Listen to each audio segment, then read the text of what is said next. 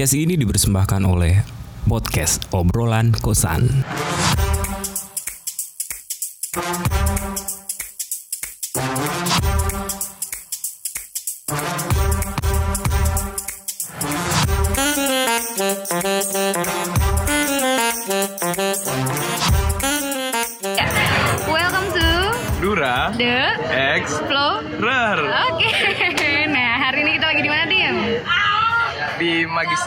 Nah, Oke. di Magistra. Magistra tuh letaknya ada di FIB Universitas Gajah Mada. Benar. Jadi kita lagi ada di kantin FIB. Iya, di, basement, ya. Kantinnya lucu ya, taruhnya di bawah gitu. Keren nih kantinnya. Keren ini kantinnya.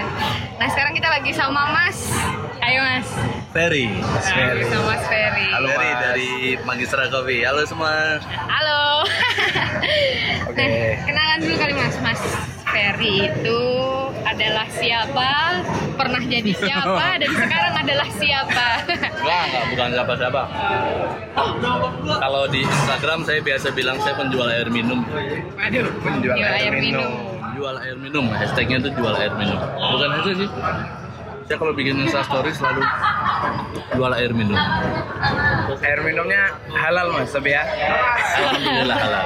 Halal ya. Eh, sedikit ralat tadi eh, kita tempatnya ada di kantin sastra Oh, namanya. kantin sastra. Oh, Kantin apa Mas? sastra. Singkatannya apa? Ya, Eh, Kansas. Disingkat Kansas. Oh iya, singkatannya Kansas ya, keren Jadi kalau banget. nyari di Google Map, tag location di Instagram itu sudah ada Kansas. Kansas ya. Nah, Magistra Kopi itu ada di dalamnya, ada di dalam kantin sastra.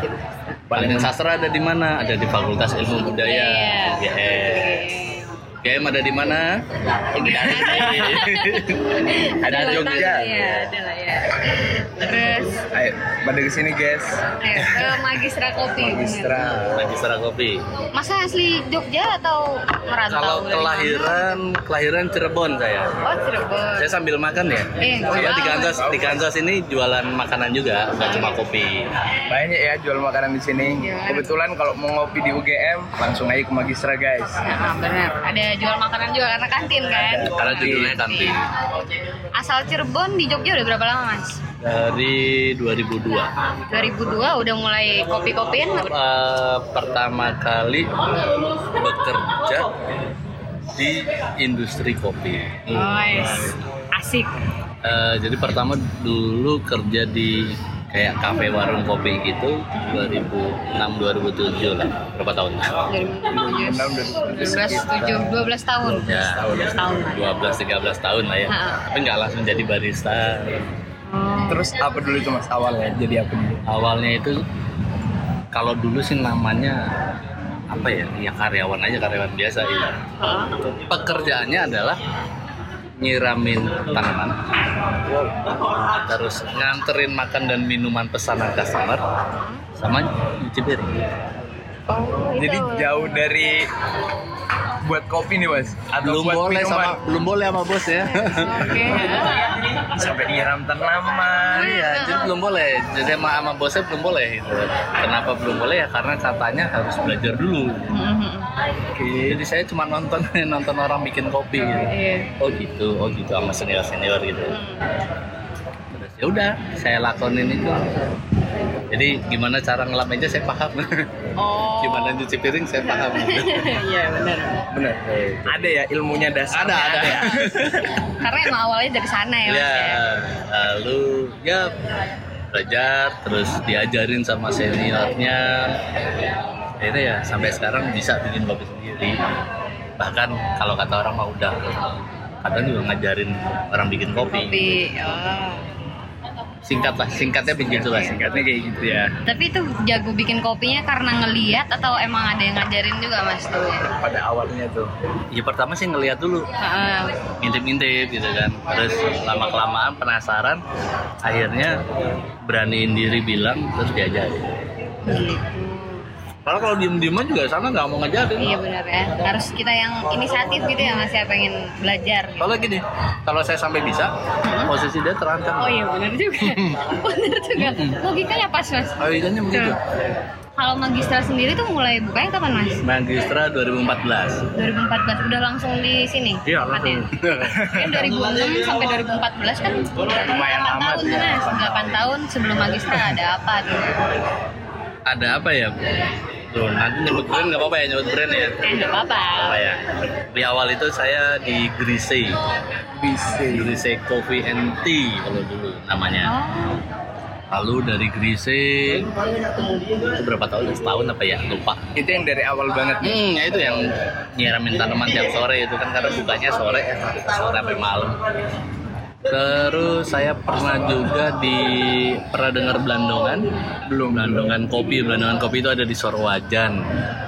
Sorwajan baru itu di seberangnya Ambarukmo Plaza. Nah, daerah sana. Di situ saya eh, ya bikin kopi juga di diajarin dulu bahasanya goreng kopi ya. Kalau sekarang mah Yang bahasanya uh, roasting. roasting. Roasting, oh. Roasting. Jadi tuh setelah dari Grise masuk ke Gelandongan. Glan- Gelandong Gelandongan. Berarti udah langsung Bikin jadi kopi ya? Enggak, enggak jadi roaster diajarin. Diajarin dulu. Diajarin goreng kopi lah bahasanya kalau dulu Terus sudah jadi barista juga tuh di sana. Nah dulu juga belum ada tuh nama, nama bukan belum ada ya ada sih ada cuma nggak nggak keren aja nama barista itu jadinya tukang aduk kopi Tukang aduk kopi. kopi. Iya, Ini tahun berapa itu mas? itu di sana sama belajar manajemen juga jadi diajarin karena bosnya itu ngentrik ya jadi kami diajarkan bagaimana mengolah barang sama mengolah manusia Iya. manusia itu kalau ya kalau bahasa bahasa trainingnya sekarang ya manage lah manage manusia manage kru jadi di situ saya diajari bagaimana eh, wawancara sama karyawan baru terus melihat bakat-bakat teman-teman oh ini bagusnya di pos yang ini bagusnya ini di pos yang depan ini yang di tengah ini yang di belakang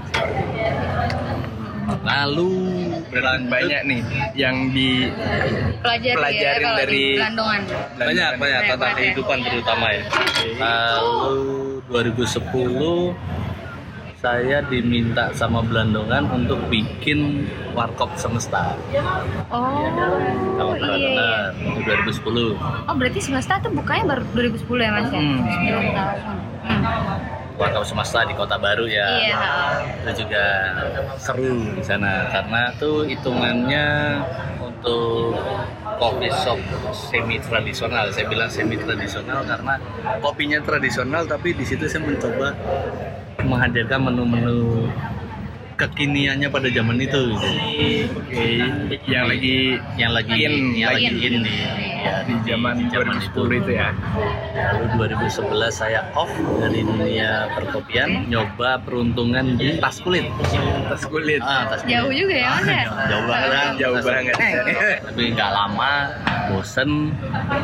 Lalu dapat rezeki di tahun 2012 ketemu teman teman lama diajak bikin kafe lumayan terkenal di tahun segitu 2012 di kota baru juga namanya Legend Iya Legend. itu gede banget sih mas. ya Berarti Mas salah satu Founder. founder apa yang Ah, pendiri. Iya. pendiri lah bahasanya Pendiri. bukan pemodal ya pendiri ya dan di, bukan kebetulan ya karena teman-teman masrahin produk kopinya ke saya gitu. jadi kalau udah bab kopinya untuk legend ngelola ngelola lah ya sampai 2014 dua tahunan itu sempet jablay juga apa ya bahasanya jablay ya Eh, gimana ya? Jabla itu jarang mulai.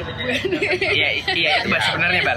Uh, saya me- apa ya menjajakan diri menjajakan diri uh, ke teman-teman itu ada bikin namanya Wings Wings Coffee di daerah Sepura udah hilang sekarang udah nggak ada Nggak ada nih. Itu bentuknya warung kopi tradisional nonton bareng itu lah modelnya ramai kalau ada sepak bola dah bola, kalau nggak ada oh. sepak bola nggak ramai nah dari Wings Coffee ini saya juga dapat link untuk belajar yang lagi ngetren sekarang nih espresso base dan latte art Oh. Itu tahun berapa mas itu? Boomingnya ya? 14 14 ya. Jadi sebelumnya itu Mas juga belum kenal espresso base. Enggak. Enggak kenal. Saya kopi tradisional ya kenal. Kopi yang diaduk. Iya tuh. Ya, Diaduk Oh makanya tukang aduk kopi Ah, gitu ya mas ya? kopi. Heeh.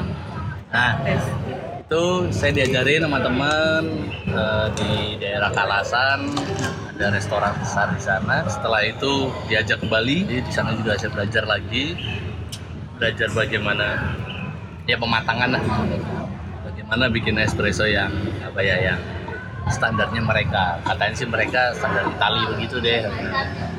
Espresso, cappuccino, cafe latte, secara secara mazhab Italia itu seperti apa itu itu kan selalu jadi jadi polemik ya Ah. bukan polemik selalu jadi perbincangan Ya.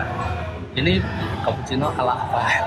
Ala Indonesia lah bulan nggak ngerti lah banyak lah banyak. Lalu di tengah-tengah itu juga di 2014 eh, saya dan calon istri pada saat itu ya. Oh, iya. calon istri punya apa ya punya mimpi. Kenapa kita selalu mengerjakan kopi shop orang lain? Kita selalu mengerjakan karya orang lain tapi kita kok nggak punya karya sendiri nih. Akhirnya kami coba berdua bikin di ini Fakultas Ilmu Budaya ini Sorry mas, saya cut dulu. Hmm. Sebelumnya tuh gimana ketemu sama calon istri? Wah itu customer saya itu itu customer Teman. waktu di ini waktu di semesta Terus kenapa akhirnya bisa deket terus punya mimpi bareng gitu mas? Sampai akhirnya bisa sejalan gitu. Jalan gitu. ya kehidupan gimana lagi lah wong kenal sama-sama suka ya sudah kita jalan pacaran dan ketika pacaran pun kita pasti apa ya bukan pasti. Eh, kita sama-sama mandiri sama-sama nyari uang sendiri gitu jadi eh, jalan. Pemikirannya sama nih ya sudah. Kita mantepin untuk kita tidak menjadi karyawan tapi kita mau berwira swasta. Akhirnya yang dipilih apa nih? Berbagai macam. Pilihan-pilihan akhirnya ya sudah kenapa nggak di kopi saja? Atau di situ yang menghidupi kita. Ya akhirnya Memutuskan untuk buka kopi sendiri. oh ada lagi nih di 2014an Sebelum magistra juga ini. sebelum magistra itu saya itu masuk masuk TV tuh masuk TV di Kompas TV itu. Hah? Eh, saya bikin namanya kopling Kopling. kopling itu kopi keliling Oh iya iya. Itu ada di Tapi- Coffee Story Tapi itu sama calling beda. beda beda kami dulu wes langsung Kalau dulu tuh nongkrongnya di mana mas? Kopingnya? Spot-spotnya biasanya di mana? foto tuh jakal Di Jakarta.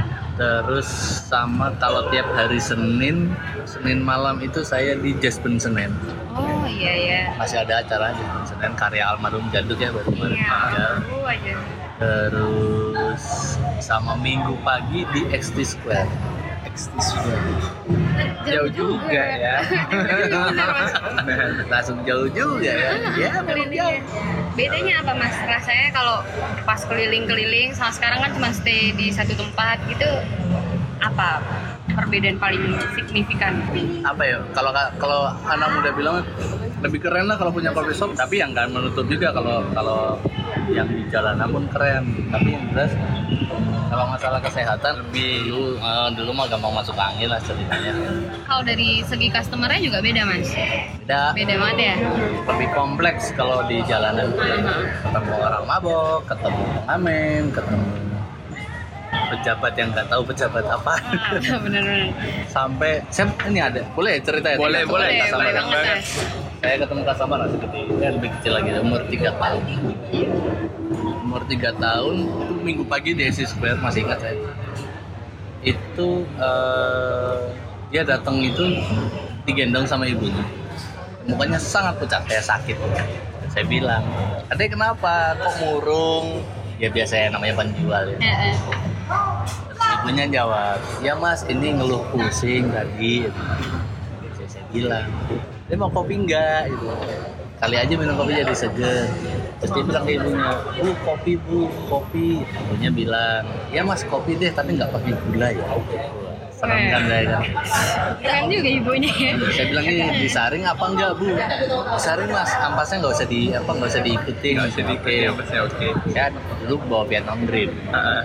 saya bikinnya Vietnam Drip itu kopinya robusta dari aja selesai ini bu kopinya kopi ini Sagimunti mas dari mana kopinya saya bilang dari Temanggung oh ya sama mbahnya bocah ini juga orang Temanggung Waduh. Oh ya ini mudah-mudahan cocok. Akhirnya di suapin dah si anaknya itu pakai apa pakai sendok kecil ditiupin dulu. Itu sayangnya dulu belum keren sosial media sih. Kalau sosial media pasti tak, tak upload gitu kan. Iya lah, Pak. udah gitu si anaknya tuh ya sambil minum kopi itu selalu bilang pahit bu. Pahit bu. Tapi terus. Hmm. Tapi terus. biar ngomong tapi dia mau Ah, terus gitu. pahit bu minum lagi. Bu bu pahit bu minum lagi. Itu terus sampai habis. Habis satu tuh gelas kopi satu cup dan apa yang terjadi setelah habis? Dia minta main. Sembuh. Wah, jago. Bu main ini main ini. Terus ibunya ketawa mas kopi ini ajaib mas anakku bergas ya, jadi of kopi nih Oh, jadi di situ saya akhirnya punya belief sendiri, punya kepercayaan tersendiri. Ya, kopi itu baik untuk manusia, apa pun berapapun. Di situ saya punya punya kepercayaan sangat tinggi itu. Tiga tahun ya mas, padahal itu anaknya. kurang lebih tiga tahun ya Gue langsung lari-lari. Mainan apa kan situ ada taman bermain. Oh, udah main. Ah, udah lepas apa ibunya. dari yang mukanya pucat Dari yang mukanya pucat. Ngomongnya kata ibunya sih sedikit masuk angin. Karena mungkin naik motor mungkin ya kan jalan-jalan masih pagi juga dibangunin sama ibunya untuk itu kan bayi apa cerita? Summer summer. Sanmor ya. seperti itu. Jadi itulah sekelumit cerita tentang saya dan customer saya dari anak kecil aja bisa senang Iya. bisa sembuh dikasih Sampai kopi jadi istri, luar biasa. Emang Hebat power of kopi emang ya. ya the power The of power of kopi. makanya itu kopi adalah passion saya kalau kata anak muda sekarang Passion ya. Tapi itu juga akhirnya yang mendasari mas buat bikin bisnis kopi. iya Tuh. iya. Passion karena passion. Karena dulu awalnya emang suka banget minum kopi atau Nah ini bicara ini nih bicara masa lalu nih berarti. Iya. Saya dulu anak nakal. Michael dulu Nah, ini dulu pas sebelum sebelum kenal kopi ya. Sebelum kenal kopi. sebelum kenal kopi ya Wah dia juga mas. Kenal kopi nakal ya mas ya. Saya alkoholik sampai di titik sehari nggak ketemu minuman alkohol. Saya pusing. Sampai di titik itu. Alkohol itu ya Jadi tiap hari saya harus ketemu air. dan teman-temannya gitu kan. Di satu masa setelah gempa Jogja besar, itu saya manajerin band dan band saya minta meeting di Belandongan itu. Ya 2006 awal Mei lah.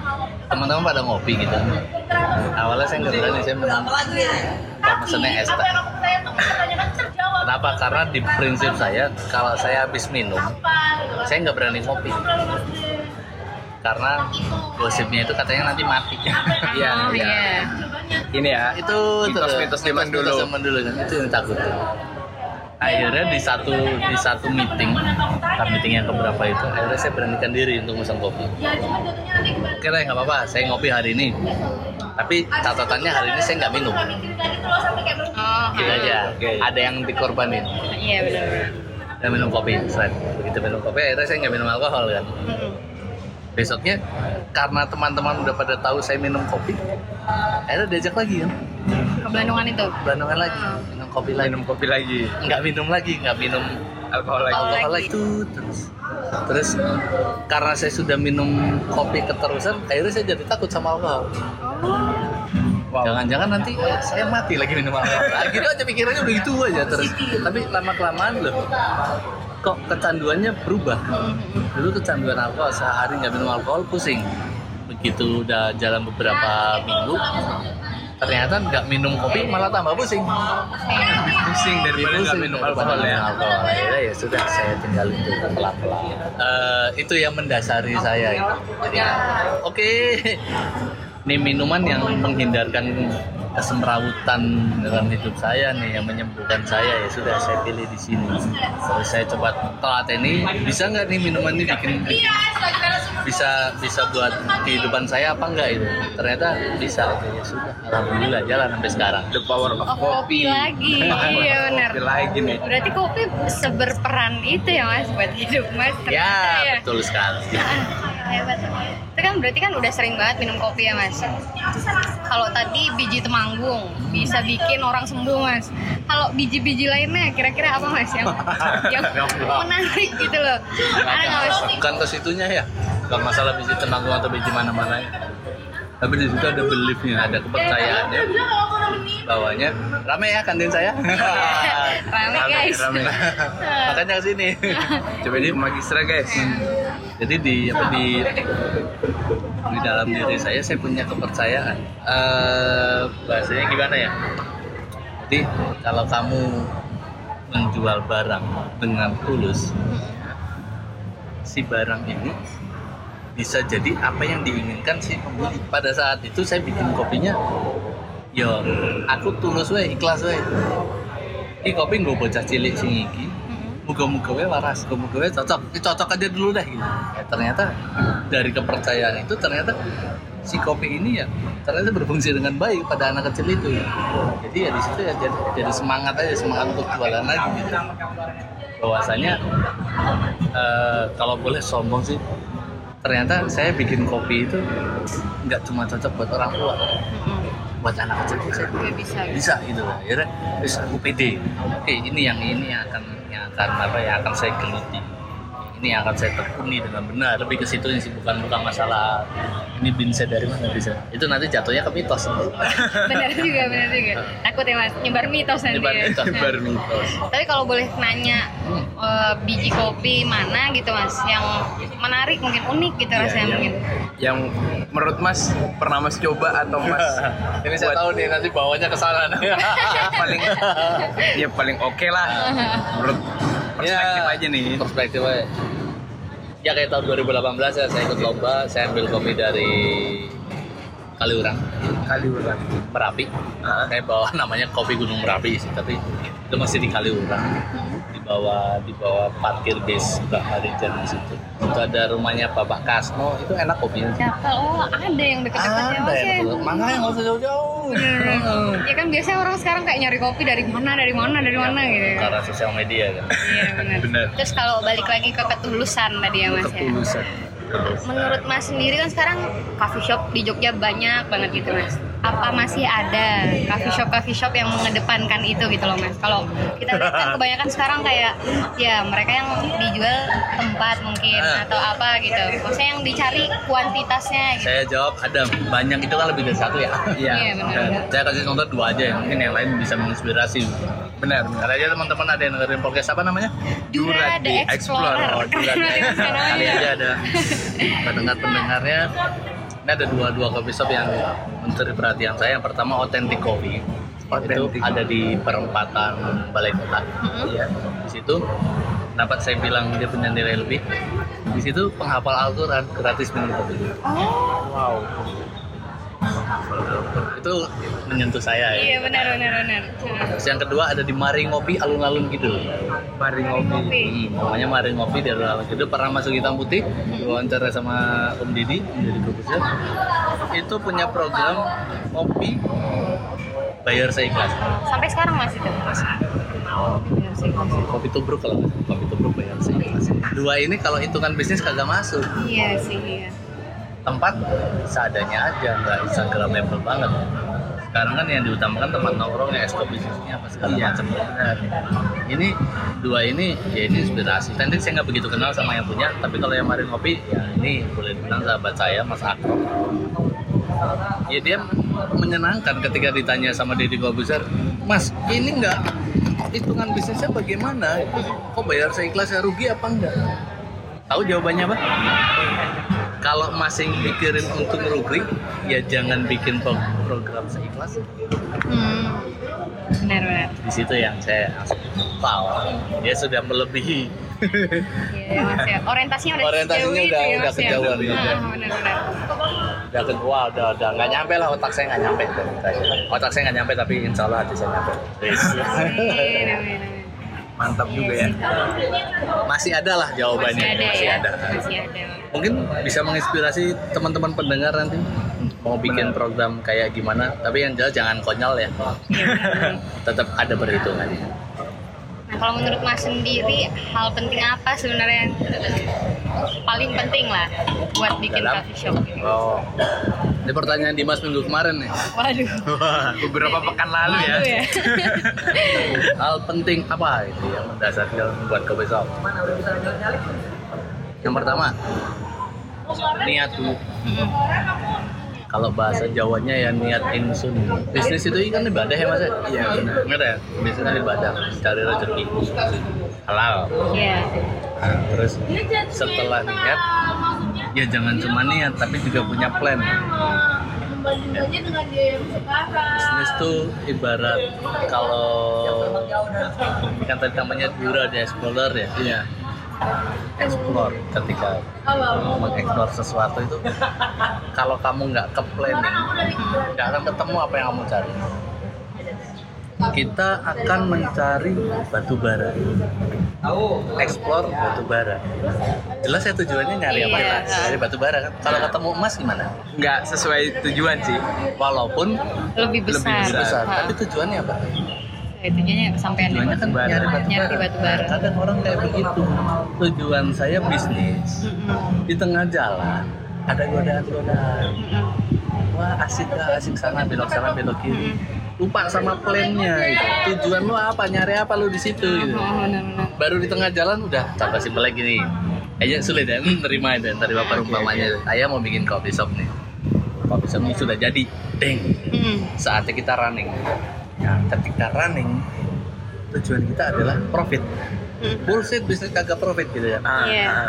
tujuan kita profit tengah jalan kadang godaan yang namanya sosial media Iya. eh, marketplace terus game.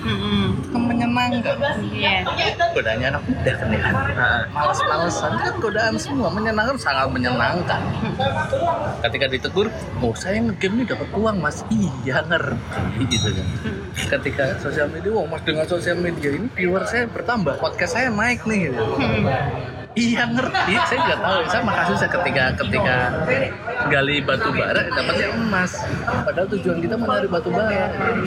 Tapi emasnya selalu ambil ya? Ya ambil ambil jelas, tapi bukan itu tujuan.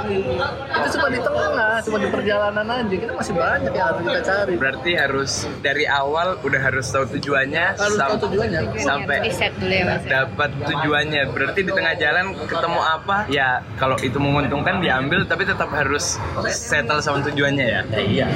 Makanya makanya kan kenapa saya membandingkannya batu bara sama emas? Ya emas siapa yang nggak mau? Iya Nah. sih betul. Siapa yang nggak mau? Tapi kan kadang kita suka suka suka tergoda sama apa ya pemandangan perjalanan Iya benar-benar. tujuan utama kita tuh apa sih kalau kita nggak punya tujuan cuma jalan aja cuma explore aja makanya ketika ketika kita sudah niat invest udah jalan nih. Oke saya akan punya coffee shop dengan purpose ABCDB kejar. A udah selesai. B selesai. C selesai. Di tengah jalan dapat ini. Ingetin lagi tujuan kita apa? Ingetin lagi tujuan kita. Kalau kita nggak kayak begitu nanti yang ada julid nyinyirin warung sebelah. Iya. yang terakhir mas yang paling ditakutin dan ini saya dapat obrolan minggu kemarin ya sama salah satu owner coffee shop. Dia sudah ya dicurhatin sama beberapa owner coffee shop lainnya ini sudah masuk kategori depresi. Tapi tapi Ownernya mas. ownernya. Beberapa kali. Karena dia belum nyampe finish baru di tengah perjalanan. Ya, udah banyak godaan. Dia ngeladenin godaan-godaan itu. Akhirnya di, ketika dikembalikan ya belum finish. Tujuan lu belum lu ambil belum tercapai. Depresi. Hati-hati. Banyak yang seperti itu. Apakah anda juga sudah masuk dalam fase depresi? Hampir anak muda? Ya. Iya, Hampir mas. Udah. Wah, obrolannya Riskan. berat sekali. Mengumumkan Cukup. obrolan sore ini guys. Jangan jangan sampai depresi ya. Nanti kalau sampai depresi nanti hubungin saya lagi. Waduh. gitu guys, kalau depresi hubungin Mas Ferry ya pokoknya. Kalau ya. mau buka coffee shop bisa hubungi Mas Ferry Iya, guys. konsul sama Mas Konsul Ferry. sama Mas Ferry. Biar nggak depresi. Biar nggak depresi. Biar ingat sama tujuannya. Biar ingat sama tujuan. Ya silakan juga. Mumpung nih, mumpung lagi ada yang dengerin ya kalau mau ya konsul-konsul coffee shop, eh, silakan datang saja ke sini ke Magister Kopi ya di Bawah Tasik Jaya. Saya- Jangan Tapi lupa beli juga. Jangan lupa beli tapi agak sorean ya nunggu customer yang nunggu agak sedikit Sepi nunggu gitu agak ya, sepi Mas, ya. biar biar fokusnya Biar bagus ya. bener. Masalah red harga bisa tanya langsung guys. Iya, benar-benar. Bisa bisa at Instagram DM Om Peyi. Om underscore PI atau di eh, Instagram Magistra juga ada kan Magistra Kopi. at Magistra Eh, Coffee besok mau ada promo nih pasti sekarang hari Kamis ya besok Jumat Ya. mau ada promo. oh promo apa tuh Jumat nih mas. Ah, promo setiap Jumat tadi sudah ditempel. Oke. Namanya kopi susu Jumat. oh itu promonya apa mas Promonya eh, kita banding harga ya dari yang biasanya kita jual satu cup start dari 13.000 ke atas. Ini kita jual kalau satu cup aja kita jual 12.000. Kalau beli dua 20.000 aja. oh Jadi kalau misalnya mau ngopi murah Enak. Jumat enak, Enak lagi. langsung ke Magistra hari Jumat Hari guys. Jumat guys ini terinspirasi dari Mari Kopi atau apa apa juga nggak mas Enggak, enggak. oh enggak Ini murni keisengan saya. oke deh Enggak, enggak iseng ada hitungannya. Dua puluh ribu dua cup guys. Hmm, 20.000 cari di mana Di mana lagi? Susah. kecuali di Magistra Kecuali di Magistra benar. Tapi belum belum online ya kita Belum kita online ya? Oh. Kita kayaknya nggak online juga. Bakat, oh, biar ngobrol ya mas. biar datang ke sini betul, biar ketemu ngobrol. sama saya. Apa. Kantinnya enak guys. Kangennya enak guys, sepoi sepoi. Oh, Bisa manggil manggil pendengarnya guys ini. ya? guys, Guys, biar kayak kekinian aja Oh. gitu mas. Kirain kayak Deddy Corbuzier. Deddy Corbuzier kan manggilnya smart people. Oh smart people, Nah, kebetulan kita belum smart. Belum Iya. bener sih. Jadi kalau menurut mas sendiri tujuan yang lebih penting, eh pentingan mana? Kuantitas atau kualitas? Kan itu kadang kadang ini ya mas, eh, bentrok gitu. Kalau misal kita cari kualitas, ya, Ya, harus nurunin lah nurunin. sedikit gitu atau gimana? Dua kedua hal ini kalau saya boleh berkomentar ini kayak kayak dua sisi pisau Oh, pedang dua pedang dua sisi. Ya.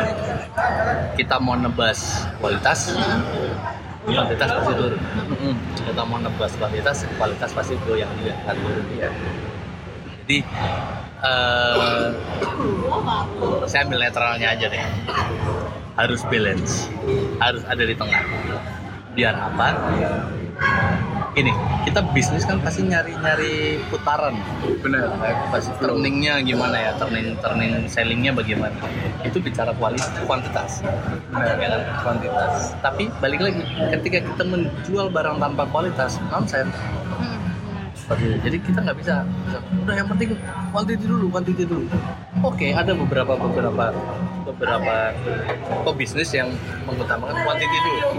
Quantity dulu kejar, quantity dulu kejar. Tujuannya apa? Mengenalkan produk. Tapi ketika ketika dikembalikan kualitas ya lu jangan minta banyak gitu.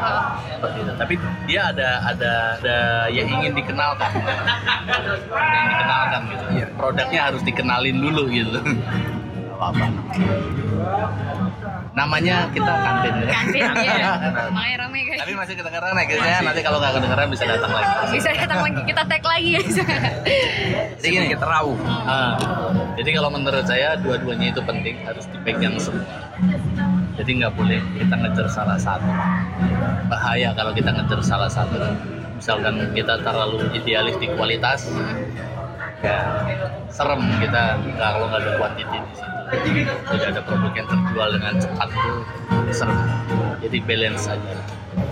Itu jawaban saya. Berarti idealis tuh bahaya juga ya mas. Nah sekarang balik tanya nih, ini masuk podcast saya ya. Iya. Ya.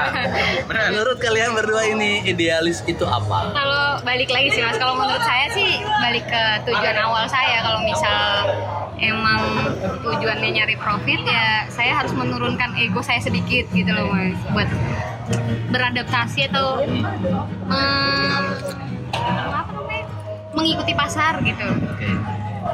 Oke. Jadi kita telah dari katanya aja. Wah ini kelas filsafat. Macam-macam kelasnya. ya. Gak bercanda, bercanda. Jadi gini, idealis. Idealis itu kata dasarnya apa? Ideal. Ideal. Hmm. Kita mencari yang ideal kan. Iya. Ya, kalau kaitannya sama bisnis kopi, ya kita cari idealnya untuk kita. ya.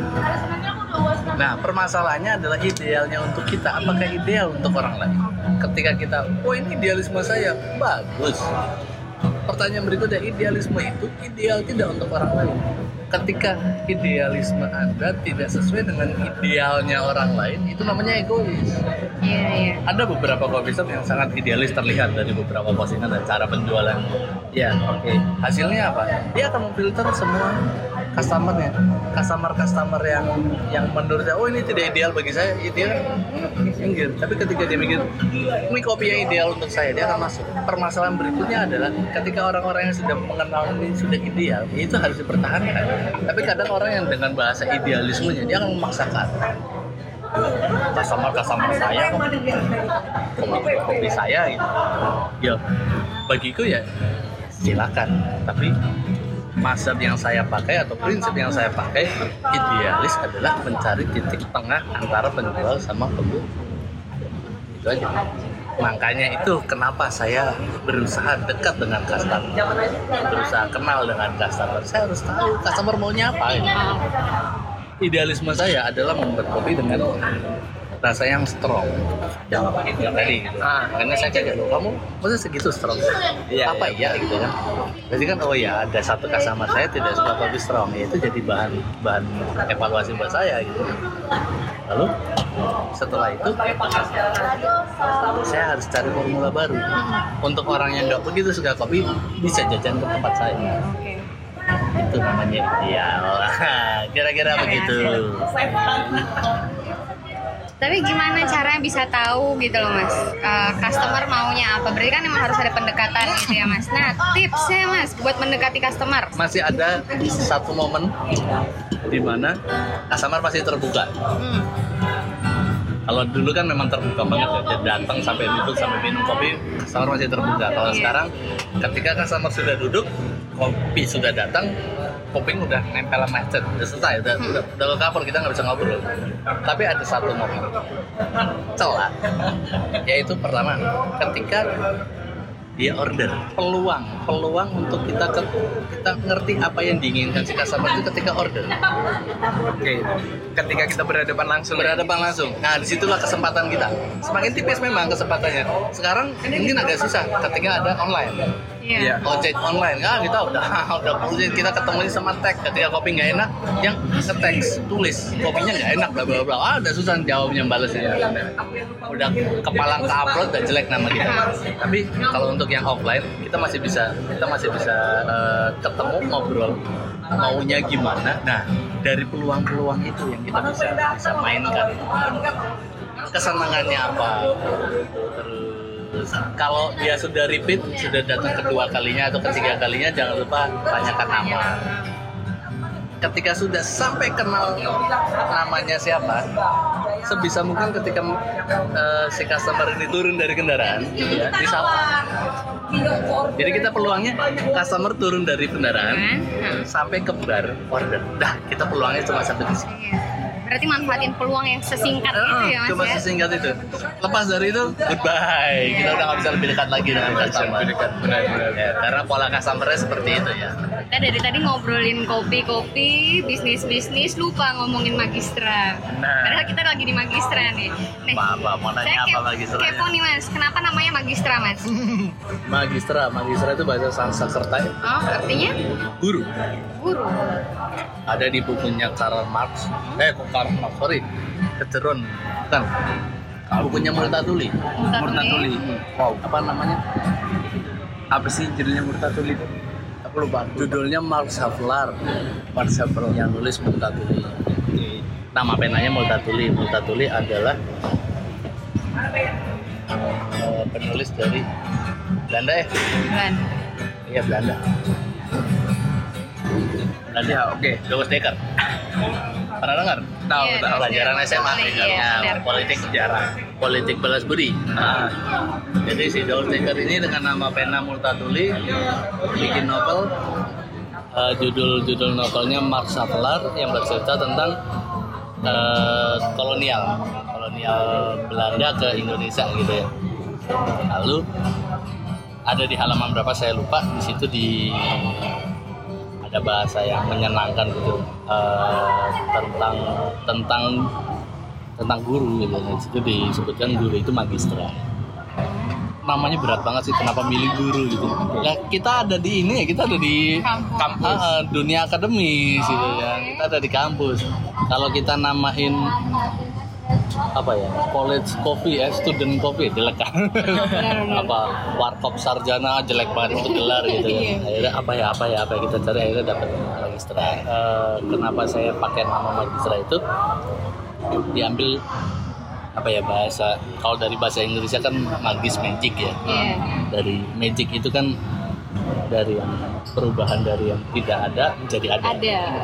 dari yang dan perubahan ada nggak adanya itu fantastis Ya, benar. kalau cuma dipindah doang mah kagak magic magic amat gitu. Iya. tapi kalau tiba-tiba deng ada gitu kan itu kan magic magic harapannya adanya magistra ini ya jadi agen perubahan itu di sini kan agen-agen perubahan semua para calon-calon pemimpin negara kan ada di sini semua Iya. Cie, mulia amat ya Keren ya mas, filosofis. filosofisnya lumayan keren Dua dua belas SKS bisa kuliah sama Mas Ferry guys di sini.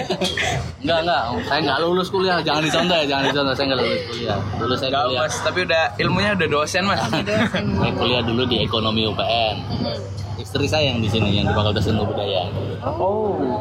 Apa karena itu juga milih di sini mas? Iya. Berarti sebelum nama udah nentuin di sini dulu mas, baru bikin Hmm, gitu. hmm, hmm. Oh. Jadi nama ngikutin tempat. Ngikutin tempat ya.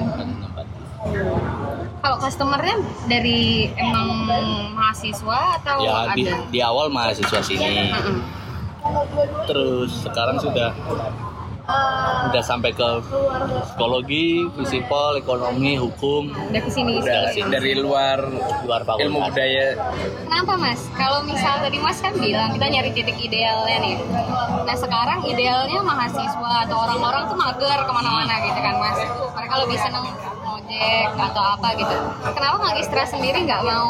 Regulasi, Oh regulasi. regulasi dari kampus nggak boleh. Oh gitu. Tuh. Jadi kita terbentuk regulasi. Jadi ya hitung-hitung silaturahmi lah, jangan melulu mager-mager mulu mau jadi apa sih gitu kan. Masih muda kok udah mageran gitu kan. Ya bukannya sok idealis tapi karena keadaan kan kita nggak boleh kita belum boleh bukan nggak boleh belum boleh untuk menggunakan jasa penjualan online. Eh, karena regulasinya belum bisa juga Toh juga positifnya adalah ketika kita langsung datang, lu datang ke sini, gua bikinin kopi, lu kenal sama gua, c bahasanya. lu kenal sama gua, lu bisa ngobrol sama gua. Siapa tahu ada bisnis-bisnis baru yang bisa dibicarakan. Ada ya. Ada ada bicara. Ya kayak ini teman kita Dimas ini kan beberapa minggu yang lalu datang ke sini curcol tentang bisnisnya. Nggak tahu sekarang udah di udah dijalanin belum ya? Tips-tipsnya yang kemarin udah jalan apa belum? Saya belum saya belum evaluasi. Apa nih mas harapan mas buat magistra sendiri? Cabangnya banyak. Siapa yang mas? Oh, berarti berniat memperluas pasar ya mas? Pasti pasti yang namanya yang namanya pengusaha ya. Jadi sebisa mungkin banyak cabangnya. Tapi eh, konsepnya magistra tetap di dalam kampus ya, tidak tidak di luar kampus. Berarti kalau ma- kalaupun mau memperluas pasar nanti bakal di kampus-kampus ya mas? Gitu. Tapi kan regulasinya agak susah tuh mas, nggak apa-apa tuh. Gak apa-apa. Ya, kalau bisnis gampang semuanya jadi pebisnis. Oh iya betul sih. Tapi kenapa mas? Benar. Kenapa pasarnya adalah mahasiswa? Eh, banyak riset yang mengatakan bukan populasi manusia di Indonesia atau Yogyakarta deh terbesar itu ada di umur-umur mahasiswa. Ada ratusan ribu per tahunnya. Jadi semua pebisnis sudah mengklaim sudah sudah me, sudah meng, apa ya sudah generalisir kalau pasar paling empuk untuk berbisnis adalah mahasiswa. Untuk bisnis kuliner. Ya karena memang banyak ya populasinya nah ketika semua pengusaha sudah setuju kalau mahasiswa adalah pasar utama makanya banyak banyak usaha-usaha food and beverage atau kuliner itu ada di sekitaran kampus. Coba, lo, lo kan dulu pasti gini kan, eh bikin bikin burjo eh, di mana? Dekat kampus aja, belakang kampus sampai kampus, depan kampus, Iya, selalu begitu. Kenapa? Mendekat dengan mahasiswa, dengan harapan pembelinya mayoritas mahasiswa. Nah, dari dari pendapat-pendapat seperti itu, saya merangkum dan menyimpulkan ngapain harus deket-deket sama kampus? Kenapa nggak di kampus Kenapa kali ya? nggak di dalam Ya, kampus? benar. seperti itu. Iya iya. Ya cuma ada sisi sisi negatifnya juga. Pasarnya jadi homogen. Iya mahasiswa semua. Saya pasarannya fakultas ilmu budaya pasar utamanya pasar Iya. secondnya secondary-nya ada di fakultas sebelah sebelahnya saya nggak Oh, bisa gitu. mencakup pasar umum. Benar benar. Itu itu negatifnya ya. walaupun masih ada pembelaannya sih tapi ya pokoknya intinya gitu. Ini kenapa harus di pinggir-pinggir kampus? Masuk aja sih dalam kampus Iya. kalau bisa di dalam kenapa di pinggir-pinggir ya mas ya? Benar benar. Seperti itu. Itu prinsip utamanya di situ. Oh, sekali lagi kalau mau konsultasi eh, di Magistra gratis ya di Masjid Gratis. Ya gratis. Saya tidak memungut bayaran selama saya nggak disuruh kerja. Jadi kalau kalau dulu ada jadi cerita nih ada dia minta diajarkan bagaimana bikin cash flow Nah, saya bilang kalau kamu mau belajar sama saya gratis. Tapi kalau kamu ke sini datang bawa nota, terus saya suruh ngerangkum, terus suruh bikin cash flow-nya bayar. Kamu nyuruh saya kerja namanya. ya Tapi bukan konsultasi ya bukan ya? konsultasi, ini ngongkon aku kerja. Oh. Kalau konsultasi silakan nota kamu bawa sini, lalu input sendiri, jangan saya yang input enak aja. benar benar. Gitu. Jadi eh, memang Eh, memang apa eh, saya gratiskan lah ya untuk apa untuk sekedar konsultasi ngobrol-ngobrol. Sampai coffee shopnya jadi. Jadi ya. Alhamdulillah sudah dua teman yang dulu belajar di sini dan sudah jadi sudah running sekarang yang satu di Fakultas Kedokteran Gigi di dalam kampus juga tuh dalam kampus juga terus yang satu di ini belakang bakso Ateng oh yang Karangmuni Ruas. Namanya? Iya Ruas, Ruas, namanya. ya? Namanya Ruas. Dia juga belajarnya di sini, belajar bikin kopi, belajar bikin segala macamnya. Ya Dan guys dan intinya saya tidak bekerja ya. Jangan jangan suruh saya kerja. Kalau suruh saya kerja nanti ada argo yang jalan. Dia datang ke sini yang yang FKG itu datang ke sini bawa laptop lalu berantem dengan temennya nggak bisa harus gini ya saya tengahi ya luas juga begitu datang ke sini bawa laptop terus bro ini gimana nih? Apanya? SOP karyawannya gimana? Ya lu bikin dulu. Bikin ya nanti kita revisi pelan-pelan. Ya. jadi nanti nyari karyawannya bagaimana? Nah yaudah begini gini gini. Jadi terus itu jalannya sampai jadi. Jadi kalau sudah jadi ya sudah lepas. Paling kalau terjadi apa ya kesulitan ke jalan mereka datang ke sini konsultasinya gratis guys. Gratis? Apa- tapi kalau boleh sih beli di Magistra. Enak soalnya kopinya. Murah thank you lagi thank harga you. mahasiswa. Yang jelas ya harganya mahasiswa. Harganya karena kita mahasiswa kita jualannya di mahasiswa ya. Jadi ya harganya mahasiswa. Harus harus harus murah. Tapi nggak murahan ya. Nggak murahan. murahan. benar-benar harga murah kualitas oke guys Oke, kira-kira buat sore ini gitu dulu aja ya. Cukup. ngobrol-ngobrol Oke. soal magistra, bisnis dan kawan-kawannya. oke Aku Balia. aku Dimas Kita undur diri dulu. Oke, kita Oke, terima kasih banyak Mas Ferry oke thank you bye.